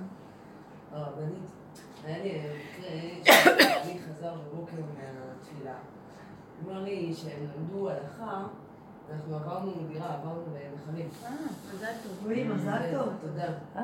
טוב, כן, הוא אמר שהם למדו שיש בעיה להתפלל שם איפה שאנחנו גרים או לברך, בגלל שיש אה, ליד אה, מישהו שמגדל עיזים. והריח מאוד מאוד חזק. זה בא בגלים, זה לא כל הזמן, אבל לא משנה. הוא קיים הריח הזה, זה זה ריח של עיזים. יש כאלה שנגאלים מזה, יש כאלה שלא. זאת אומרת שעל פי ההלכה, גם אם אתה לא נגאל מזה, יש בעיה לברך אם אתה מריח את הריח. אז אני מאוד היה לי קשה לשמוע את זה באותו יום. כאילו אמרתי לו, רגע, אבל אני לא מבינה, אם אני מדברת עם הקדוש ברוך הוא וזה לא מפריע לי, אז מה זה משנה שיש פה ריח אם אני מדברת עם הקדוש ברוך הוא ולי זה לא מפריע, כאילו, אז מה זה משנה? לי, זאת ההלכה. לא, אני אגיד לכם משהו. אני רוצה להסביר משהו. כן. שמעתם את השאלה שלה? בתורת עץ הדעת זה יפריע. כי השם נמצא בחיובי, והריח, השם לא נמצא שם בריח רע. אבל בעץ החיים, בתוך הבוץ והסירחון שם הוא נמצא. הלידה, אין סירחון יותר גלום מזה, הכל יוצא מלמטה, מלמעלה, הכל יוצא. ממש. וזה הרגע הכי, הטומאה הכי גדולה כביכול, ושם נמצא השם, ליד השם, לידה. אז ההלכה בתורת עץ הדת, פס נישט, כן. לא נכנסים פה. אבל בעץ החיים זה משהו אחר. את מבינה את ההבדל? כי אנחנו בעץ הדעת מתקנים את הדמיון של עץ הדעת, דומה בדומה מתקן, יש דמיון חיובי, והשם מרכיב יפה, וזה לא יכול להיות ריח כזה, לכן על פי ההלכה אסור שיהיה ריח. על פי האמת, אם אדם הולך בדרך הזאת, זה הכי נכון דווקא. לי? אז אי אפשר להתפלל במושבים. אי אפשר להתפלל. אני מתפלאה כל פעם מחדש, הייתי פעם באיזה מושב בשבת, הפרות, אני עושה הליכות עד הבאות בגלל הריח. זה לא משנה. על פי ההלכה. בורא מיני בסמים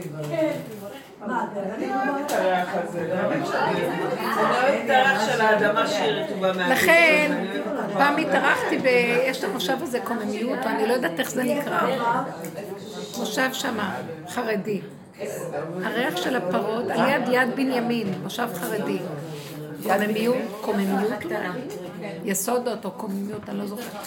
הריח של הפרות שם לא יכולתי לחיות, לא יכולתי להריח, לאכול. כן. אבל הם חיים שם. כי זה, כבר התרגלו וזה לא מפריע להם.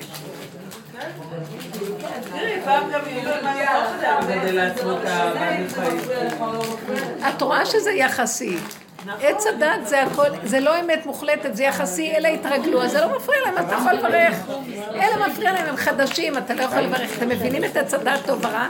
באמת, בתוך הבוץ, איפה שזה ככה, משיח יושב בפתחה של רומי. הוא היצור הכי נעלה, הוא משתמש באור הגנוז, שזה לא האור של החיצוניות של הטבע, זה האור הפנימי. נחמן יושב בשיא הטומאה. איפה? אוקראינה, הוא- והבעל שם טוב, אמרו שזה שיא הטומאה. הוא גם אמר שהוא כאילו יצר מצב של בחינת ארץ ישראל איפשהו. אפשר להעביר את הקרוסונים?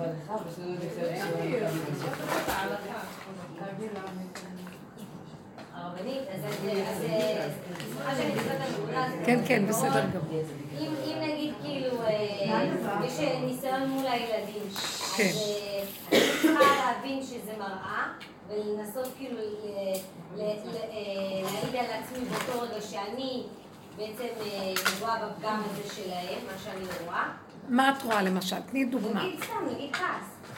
אוקיי, כעס. את רואה שהם כועסים, כן, ואת מגיבה בכעס. לא, תראה, האמת היא, זה אני הרבה הרבה הרבה מתאפקת, אבל לפעמים כאילו, יש עוד כאילו סיטואציות כזה, לבעלי זה גם משפיע עליו, הכל נהיה סלט. מה אני עושה כאילו במצב? או שאני כאילו מרפה, ונותנת להכל להיות כאוס גדול, ולא נותנת כאילו בכלל... אה, אה, לא. כן? אז אה, בעצם הוא אומר, לוותר על כל השליטה, על כל מה שאני חושבת, כל מה שאני... עכשיו, רגע, רגע, רגע, רגע, תקשיבי. בזמן שחיצון... לא, סתם. לא. אה, רגע, רגע. בזמן שאת חיצונית? בזמן שחיצונית את מוותרת על התנועה הרגילה שאת מדברת, צועקת, מחנכת, מוסר וכן הלאה, כשאת מוותרת על זה, את פותחת פתח לעבודה פנימית אחרת. אין אפס, זה לא הפקרות. זה לא לא אכפת לי.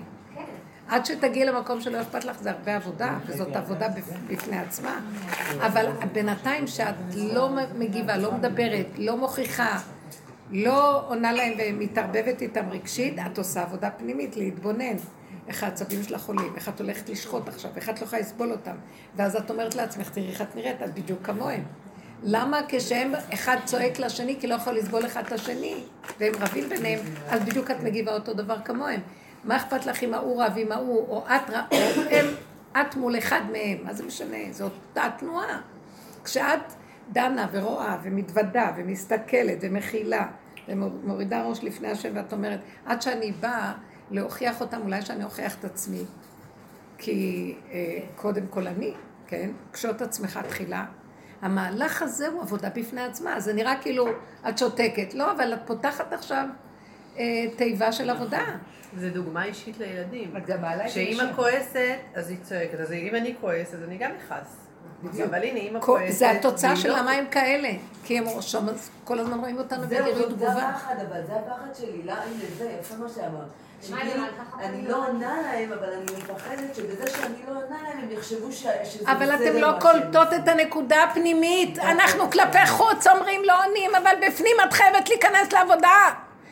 והעבודה שלך להתוודות להשם זה כמו עבודת יום הכיפורים, היא עבודה מאוד קשה ופנימית, היא דקה מן הדקה, זה כמו שאת פותחת בית דין קטן, ואת דנה ושופטת את עצמך, הנה הסנגור, הנה הקטגור, צריכה ריכוז גבוה, זאת עבודה, זאת עבודת הקודש. כשאת עושה ככה, לא יהיה עונה להם החרדה שיהיה לך מה שיש שם. כי השם נכנס שם, את לא בהפקרות. לא, כשאת אומרת שלום עלייך נפשי, אני לא אענה, נמאס לי מהם, אני כן, בורחת אז את מהבית. משאירה את זה עם האני שלך. בדיוק, את בורחת, בורחת, זה לא בריחה.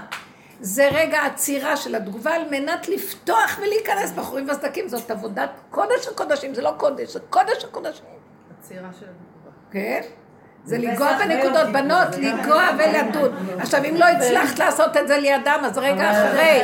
אם נפלת וצעק, לא נורא, אף פעם אל תרדו על עצמכם ואל תתרחבו ברגע. מה עשיתי? נפלתי, ייאוש לא. נפלתי, קמתי, ישבתי, תפסי אם לפני, אם אחרי. תפסי את נקודת העבודה ותעבדי. הרבה פעמים מפספים את הרגע הנכון. לא נורא, לא נורא, אין רגע נכון. יש רגע שיכולתי. הבעיה היא שיש כל כך, כמו שאמרת, אין המתנה, יש קצב חיים מאוד מהיר. וגם הקפיצות שהן מאוד מאוד מהירות, כי אתה כל הזמן עומד בלוחות זמנים. אז אני רוצה לבקש, אל, אל לא תתפתו הולכים אחורה לקצב של העולם.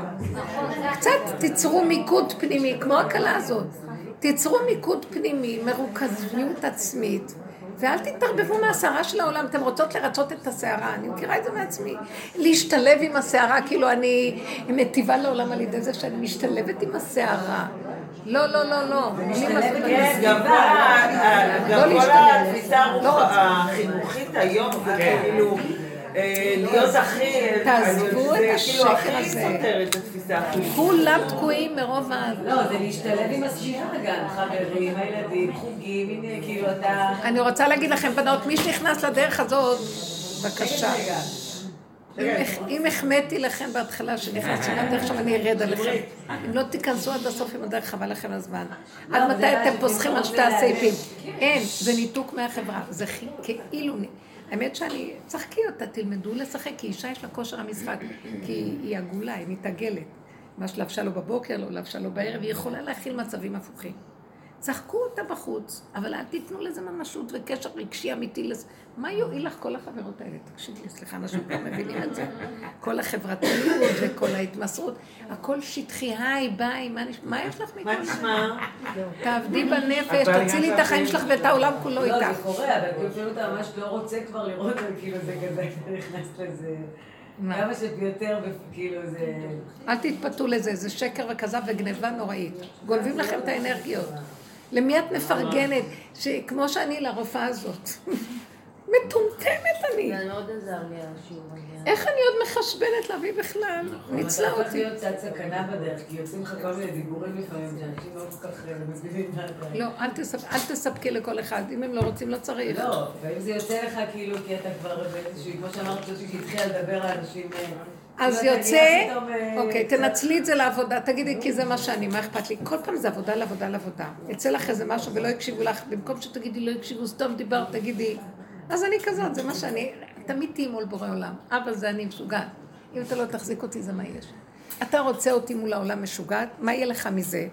כי אם אני משוגעת, תשימו עליי איקס, ואני לא אוכל להועיל לעולם. בוא תראה, ביני לבינך אני משוגעת.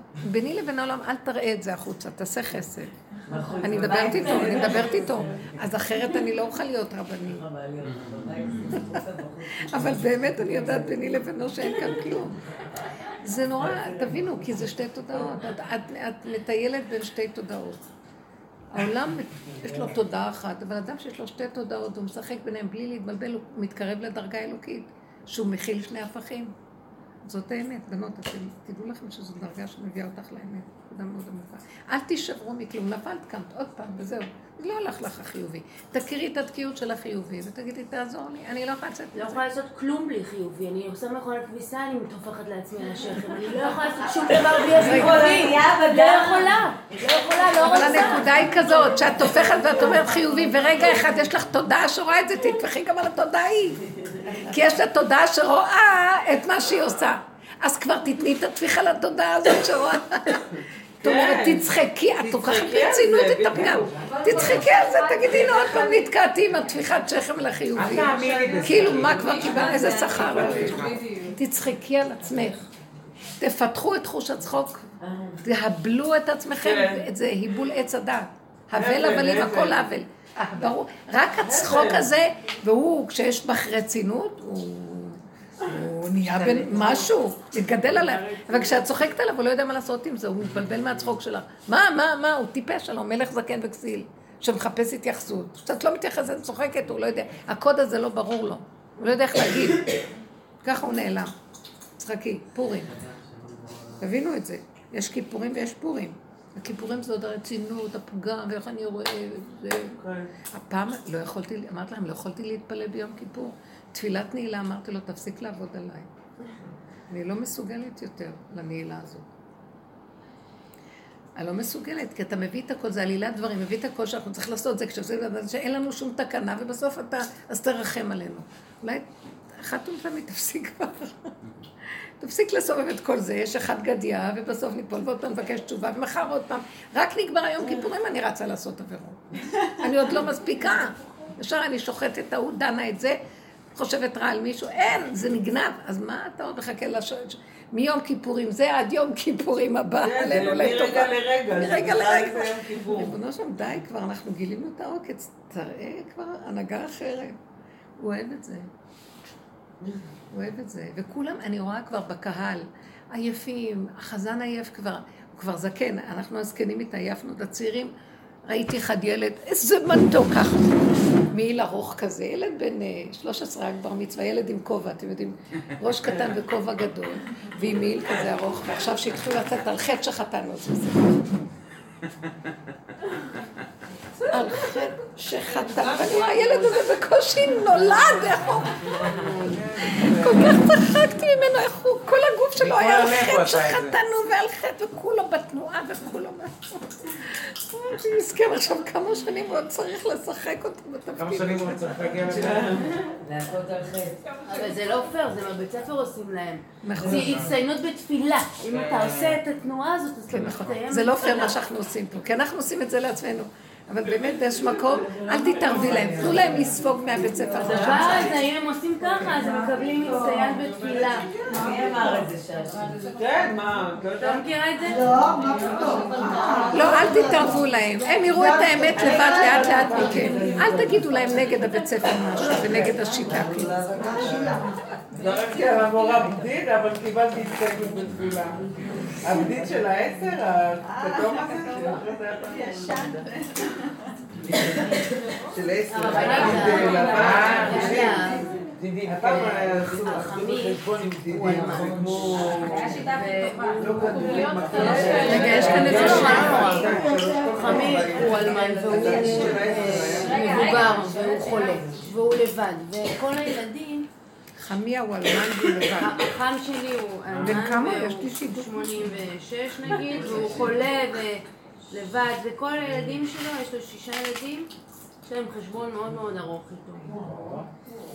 אז כאילו, לא יודעת איך יצא שאני לקחתי על עצמי קצת כאילו לטפל בו וזה, עכשיו זה כבד.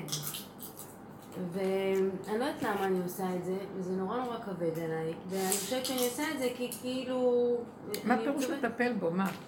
להתקשר אליו כל יום, ללכת אליו, לקחת אותו לפעמים לבדיקות, אה, כמו, אני חושבת שהיא סוג של אחריות. עכשיו, יש לי הרבה דברים שאני צריכה לטפל בהם בחיים שלי, אני לא באמת באמת סתם, זה גם לא כיף, כן? אמ, ואני אומרת לעצמי שאני לקחתי את זה על עצמי בגלל שיש הלכה, שזה כמו כבוד כיבוד הורים. זה אותו דבר. אבל זה לא באמת אה, משהו שהוא... זה קשה לי, אני לא עושה את זה בקלות וזה, אז מה? אני אגיד לך מה קשה פה. קשה פה שהמוח שלך נפתח, ואת רואה את זה גדול. קשה לי שאני לוקחת אותו, וזה זה, וזה. כי האמת היא שיש לך רק רגע אחד. תצמצמי את המוח לרגע, רגע אחד שאת לוקחת אותו, רגע אחד שאת מרימה טלפון, ואל תחברי את הרגעים, אז זה לא יהיה לך קשה. הקשה נוצר כתוצאה מהפרשנות של עץ הדת, שהיא משקיפה ורואה גדול. זה. מושג של מה את עושה עד מתי, וכמה זמן, ולמה הילדים נכנסת שלו לזה. אפילו לא עושים את זה. כן, ואז כל החשבונאות, בדיוק. ואנחנו צריכים להגיד, האמת. דעו לכם, שמה שמזכים לנו משמיים, זה, אני אגיד לכם, המצוות והמעשים טובים תחטפו. אין, זה יהלומים. מצוות ומעשים טובים זה יהלומים. אבל עכשיו זה לא שאתם תרדפו אחרי זה, זה יגיע עד אליכם. כשזה מגיע אליכם והסיבה דופקת בדלת, תודה שזיכית לי. אה, כתוב על אנשי ננבה, וירא השם את מעשיהם, לא את שקם ותעניתם ואת דיבוריהם, רק כשהוא ראה את המעשים שלהם שהם חזרו בתשובה על ידי שעשו מעשים טובים אחרים, אחרי שהשם שלח את יונה, אז הוא את מעשיהם. וגם אומר, תנא דבי אליהו, שזה מיוחס אליהו הנביא, אומר, אה, מעיד אני עליכם שמיים וארץ, איש או אישה, עבד או שפחה, כל אחד כפי מעשיו רוח הקודש שורה עליו. לא לפי תלמודו ודיבורו והבנותיו, לפי המעשים של הבן אדם זה דבר מאוד גדול. בנות, אל מעשים טובים. כל דבר יהיה חשב למעשה טוב. אפילו אם אכלת את עצמך וברחמנות על עצמך, לא מרירות וייאוש, נתת לעצמך משהו כי את עייפה ואמרת תשבי מותק, תאכלי, תשתי קודם כל את, זה מעשה טוב שעשית. ולשני גם, אתם מבינים? זה נחשב באמת הכל בקטן. לגדל ילדים, כל דבר נחשב לך. שאם את טורחת אל ילדיה, אין מצווה יותר גדולה מזה לפרנס את בניו ובנותיו הקטנים. אבל הכל צריך להיות, לא שאני גונבת עם המחשבה שלי ואז יבוא לי, אבל זה קשה, אבל מה הם נותנים לי, אבל מה הם... סגור לי, סגור לי, סגור לי, זו להקטין, כאן ועכשיו. הזדמן לי מעשה, הזדמן נקודה, אני מקנאה בך. אני מקנאה בך. דעו לכם שמעשים טובים זה יותר מלימוד תורה. הכל ניכר לפי מעשיו של האדם. כן.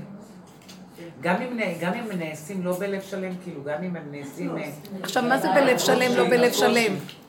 תסגרו, אין לנו לב בכלל, איזה לב? לב. אין לב. אין לב. תעשו כי יזדמן, נקודה. זה השם עושה דרכך. לא שעוד יש לי רצון או אין לי רצון, כי אם יש לי היום רצון, מחר לא יהיה לי. אל תלכו על הדבר הזה בכלל. תשתחררו, תהיו גולם. תגידו תודה שבא לידכם הזכות. לפעמים את לא יכולה, אז גם אל תדוני את עצמך, את לא יכולה. אבל כשמזדמן ואת יכולה, תודה. תחטפו, תיקחו, הכל בקטן. בנות תתמקדו בגדר של כאן ועכשיו. זה מאוד מאוד יעזור לכל הבלבולים ולכל הספקות ולכל הריגושים, כי אין זמן להתרגש ולחשוב. כי זה ככה, ולהתחדש, וככה, ולהתחדש. ובאות לי מחשבות, כל מה שכולם זורקים בה עליי. אני אומרת לעצמי, אני לא יכולה להכיל, הבלבולים משגעים אותי, ואז אני אומרת לעצמי, יש לך רק נשימה ואין לך כלום. מה יש בנשימה הזאת? תלכי עם הנשימה. הנשימה הזאת אומרת, תושיט יד, אז תושיט יד. הנשימה הבאה אומרת, מה שבנשימה, בלי ביקורת, בלי פרשנות, בלי כלום, כמה שיותר כמו גולם. דעו לכם, שמה נכנס השם. שם ייכנס השם. ואתם לא גולם, ייכנס שם חוכמה מאוד גדולה. יהיה רגע של הערה וחוכמה. אין אדם יותר חכם ממך. נכנס, נכנסת האור הגנוז נכנס. אבל תלכו עם הצמצום הזה, כי שם הוא נמצא בקו האמצע בדיוק של כאן ועכשיו. וזהו. אז אל תתבלבלי. אני מקנאה בך שיש לך אפשרות לעשות חסד. גם אל תתרחבי עם הזקן יותר מדי. לא, אני אומרת גם כן לצורכי החילונים. תלמדי את הדבר הזה. גם החיוביות שאת רואה את עצמך, תגידי, זה קטן, זה רגע אחד שאני כזאת, ועוד רגע, זה יתחיל להצטמצם ותהיי בן אדם אחר. ואני אומרת לך שזה... הרבנית, העצה שלך עם ה... לראות רק את הרגע זה ממש הציל אותי, אני מורה, וכל שנה, כאילו, ראשון לספטמבר, זה היה לי כאילו איפה חלמתי, איפה אני רוצה להיות, ואיפה אני חלמתי שאני כזאת נורא טובה, ואני ככה ובפועל אני, איפה אני ואיפה זה. אמרתי, די, תזרקי את החלומות האלה לעזאזל, מספיק, אין שום חלומות. שקר וכזב. את שום דבר, את לא, אל תדמייני, את לא נורא טובה, ואת לא יכולה גם להיות, יש את היום, איך היום בבית ספר, תעשי היום, מחר. אתם מבינים ששם עץ הדעת גונב והשם לא יכול להיכנס. השם לא יכול להיכנס כי אני בהשקפה ויש לי תדמיתנות ומה אין לי. וכשאדם הולך עם הרגע, ברגע שמה שנמצא, זה לא את בכלל הולכת, זה לא את מורה, זה הוא דרכך מורה. הוא רוצה את הגילוי שלו, גנבנו אותו עד לאין, אין לו מקום בעולם. לקחנו לו את המנדט, בקיצור. הוא אחרינו רץ וצועק, חכו לי, ואנחנו המלכים פה. מי מסתכל עליו? זה הקבצנים שדופקים לנו בדלתות, אנחנו זורקים אותם. זה ככה נראה הקדוש ברוך הוא. ממש, זה שכינה בגלות. לכן כל הצמצום הזה, זה אלה שמתנדבים להקים את השכינה. זה אנשים שהולכים ככה. דעו לכם שאוהבים בשמיים את ה... אני אומרת לכם שכן. אני יודעת את זה. תתעקשו על הדבר הזה, וזהו. בייחוד שאת רואה שזה עושה לך סבל, איזה טיפש ירצה לסבול? אנחנו מתחילים להיות מאוד רגישים. וטיפה, רגע של מצוקה שיש לי, אני ישר רואה שיצאתי מהקל, ועכשיו, לא שווה לי החיים. גם לסבול, גם שהשם בורח ממני, וגם כולם כבר במילא מבזים אותי, אז מה נותר לי? לפחות שאני אהנה הרגע מהחיים. כאן ועכשיו בקטן אני הולכת למשרה שלי, רגע קטן ועוד רגע. המוח הזה יהרוג אותנו, הביקורת שלו. הוא יורד עלינו, הוא אכזרי, הוא קשה, הוא מלך זקן וקצין טיפש, משעמם לו, הורג את הבן אדם, גמר להרוג אותך, עכשיו הולך להרוג מישהו אחר, גמר, זה מה שהוא עושה כל היום. ואני לא, אין, אין לי כוח, אין לי כוח, לא יכולה, אני אומרת לך, עכשיו וככה זה בסדר. זהו, כן. אני כאילו עושה את עצמי הרבה עבודה כל הזמן, להתנתק להיות בנקודה שלי, ולא להיות מושפעת מבעלי מהמצבי רוח שלו. הוא גם כן קוטבי. אבל הגעתי למסקנה שאני לא מצליחה באמת לעשות את זה, ושאני כאילו, כל מהעבודות שלי, אין, לא מצליחה לא להיות מושפעת. אני כן, זה משפיע, אני רואה אותו עצוב, אני נכנסת ללחץ. אני זה, משתדלת להעלות את הנקודה הזו באמת להשם, כאילו, אני חרדתית, אני לחוצה, אני זה. השאלה שלי היא באמת, אם זו הדרך, או שאני צריכה לעבוד עוד יותר על הנקודה הזאת, אני לא יודעת. כאילו נמאסתי ממנו כבר, אתמול כמעט אמרתי לו, חלאס, קח את עצמך, כאילו, לא יגיד לו את זה, אבל בפנימיות שלי רציתי להגיד לו, לך כבר אתה בדיכאונות שלך, אין לי כוח לזה.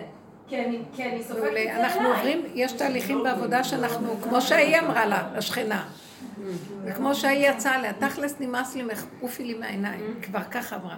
כי היא באמת עבדה להתאפק והרבה דברים וזה וזה וזה.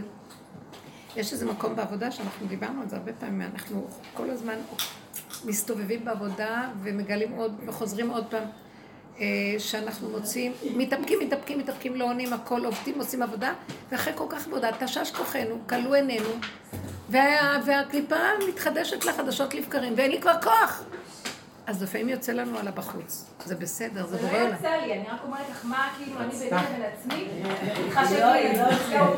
אני אומרת לך מה קרה בשיעור שלנו בבית, שזה הקומנדו של העבודה. יוצא לה, היא אומרת לי, אחרי עבודה של שנים, יוצא לה על בעלה והיא אומרת לו דברים קשים כדורבנות. לרגע! אחרי רגע לא היה ולא נברא. אם זה יוצא לך לרגע, בלי להתמשך, שחררי, תגידי, תגידי. ומשהו יעשה לו משהו שם משהו. אבל זה אחרי שעשית הרבה עבודות של איפור. זה בא מימי מבינה? עכשיו, יכול להיות, תסתכלי עוד ותראי. אני ראיתי ישר שסיפרת, ש... אה, אני אגיד לכם את האמת, זה מאוד קשה, בנות יקרות. בדרך הזאת, הוא מפרק לנו את הצורה, הוא מפרק לנו את הזוגיות, את ההורות, את הכל. מה זה מפרק? לא חלילה שזה נשבר במבנה החיצוני. אבל הוא מפרק את האחיזה הרגשית. אני ראיתי שאת אחוזה עוד. מה, איך אמר התם והחכם? זה מעשה שלו וזה מעשה שלי. מה קשור לי לעניין שלו? למה אני עוד אחוזה בהתרגשות שלו והיא משפיעה עליי? וזה קשה, בגלל שבני אדם נמצאים ביחד, זה משפיע אנרגיה. לא, הבעל הוא הכי משפיע, סליחה שאני אומרת. לא, כאילו לרגע... יותר מהילדים... זה לא שהבעל הכי משפיע, האישה הכי דפוקה. האישה מתרגשת מכל מה שזז. למה הוא לא מתרגש ממני? שזה יוצא לעמלו עדי ערב. תצאי גם את בפסיכולוגיה שלך למקומך. למה את מתרגשת? הפוך, ככל שתהיי חזקה, כמו עם הילדים שאת מרכזת ואת לא מתרגשת מהם, כך תעשי גם עם הפעל. פסיכולוגית, זה מאוד טוב, הוא יימשך אלייך, הוא ירגיש מעורער.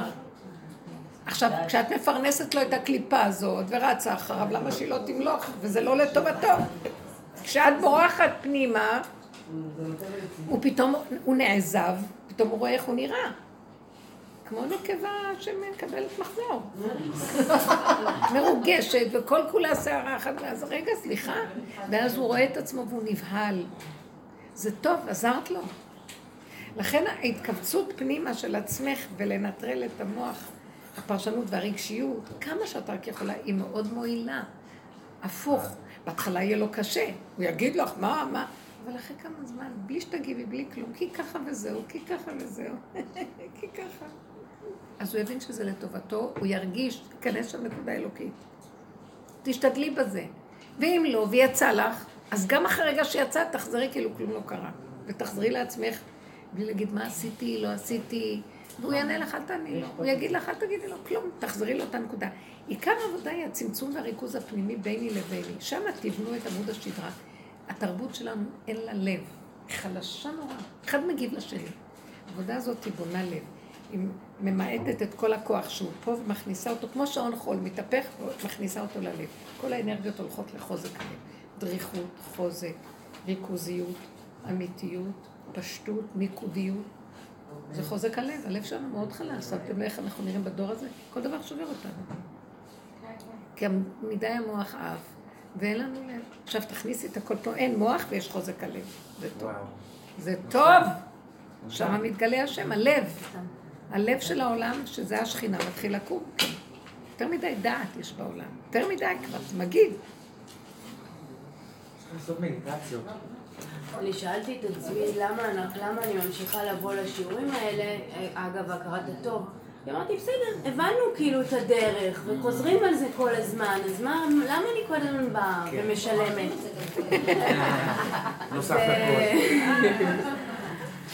אה, והיום הבנתי שזה אמטומטר, המקום הזה.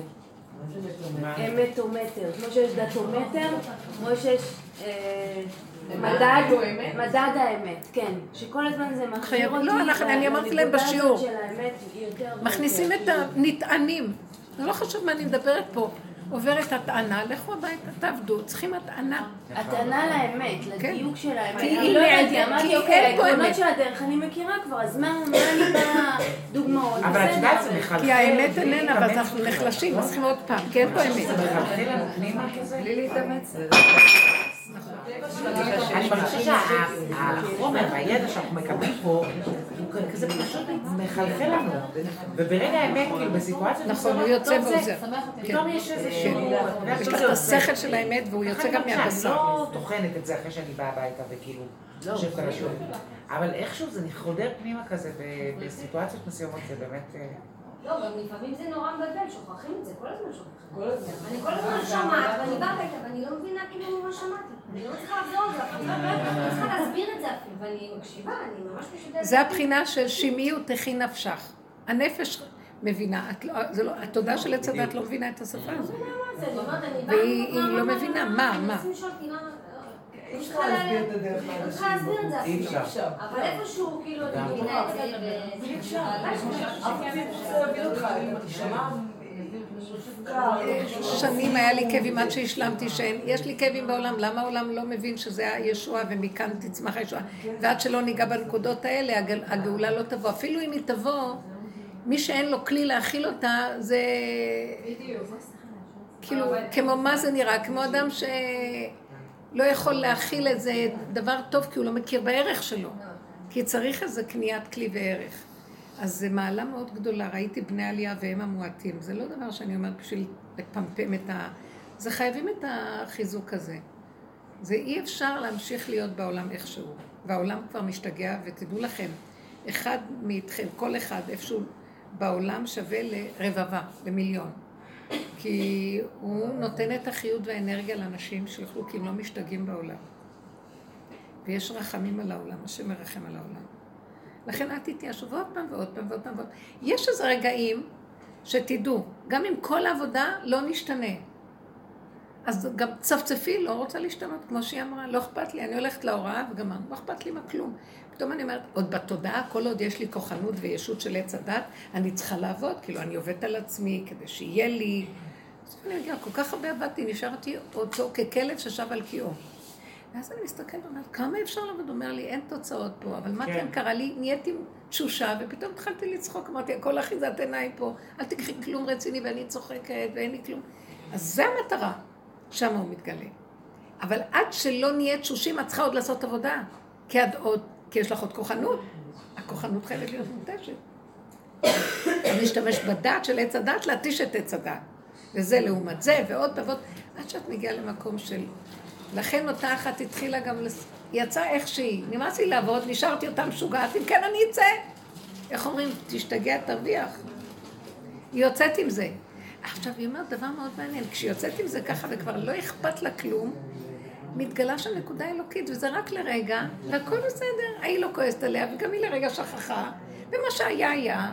מופיע כוח אלוקי שמכיל את המהלך, אתם מבינים? זה משהו חדש. זה התודעה החדשה. שהבני אדם יהיה כל אחד בתוך הנקודה שלו. השני אמר, אז הוא אמר, אז הוא עשה, אז הוא עשה. עכשיו מישהו עושה משהו קוד. ראיתם איך נראית התקשורת? מישהו רק אמר משהו, מה, כותרות, זה... זה לא נורמלי התודעה הזאת. תודעה, תרבות אנשים חטאים. מלא לשון הרע, מלא עליהום. תופסים בני אדם, שוחטים אותו. מתחילים לחפור בו ולא... זה תרבות אכזרית, תש... תסתתרו ממנה, היא משוגעת. אל תבואו לידי, אה, שלא נתוודע לרשות, מה שאומרים, שלא ידעו מי אנחנו. באמת זה משוגע. למה לכם? הקטע שהשם של הלימוד הזה, הדרך, זה באמת כל הזמן דרך, אין, אה, לא מגיעים לשום מקום. באמת, זה דרך, אנחנו בדרך, בדרך, בדרך, בדרך. בדרך. יש פסוק כזה, זה לקוח משם, אני... יש דרך. בספר אה, במדבר, אולי זה דברים? לא, זה במדבר. ויהי בנשוא אהרון, עכשיו זה בנון הפוכה. יש שני פסוקים שחז"ל אומרים שזה ספר בפני עצמו, זה החומש השישי. נון הפוכה, נון הפוכה. ויהי בנשוא אהרון, ויאמר משה, קומה השם ויפוץ אויביך וינוסו משנאיך מפניך. זה החומש הזה. מה? ויהי בנשוא אהרון. אהרון נוסע. אהרון נוסע.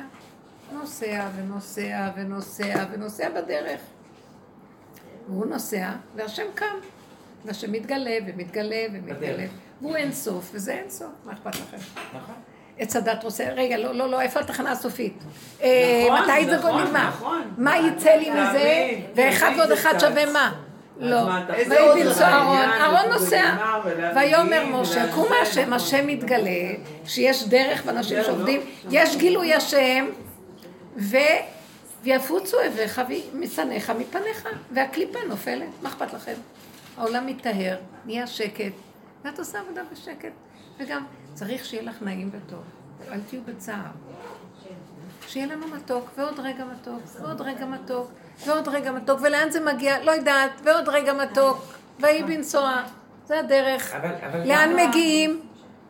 אין סוף, תכלית הידיעה שלא נדע, מה אכפת לך? זה תודעה חדשה.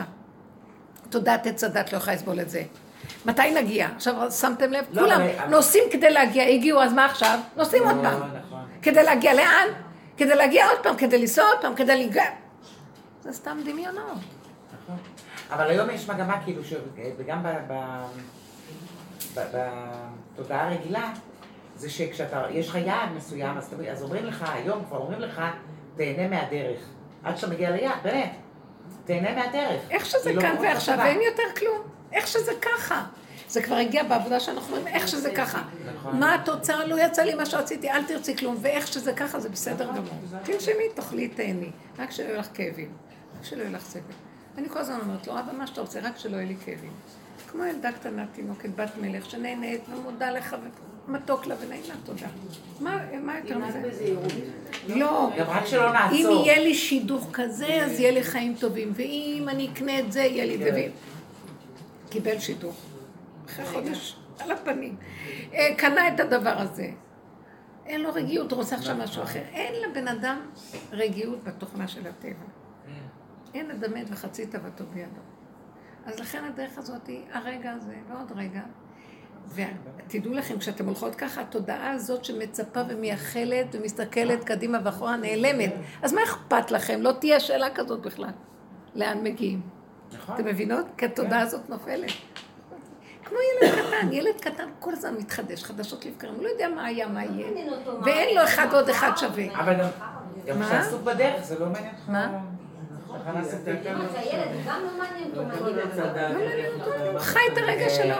מה ירד? מה ירד? לא, אה, לא. מדהים. כמו ילדים אה, קטנים בגן עדן של. אימא'לה. ילדים קטנים במלכות השם, זה מה שאנחנו רוצים לחזור להיות. זה נחמד. אנרגיות לא נדלות, והכל מתוק וטוב, זהו. תרדמו. תודה רבה לכם, מתוקות. תודה לך.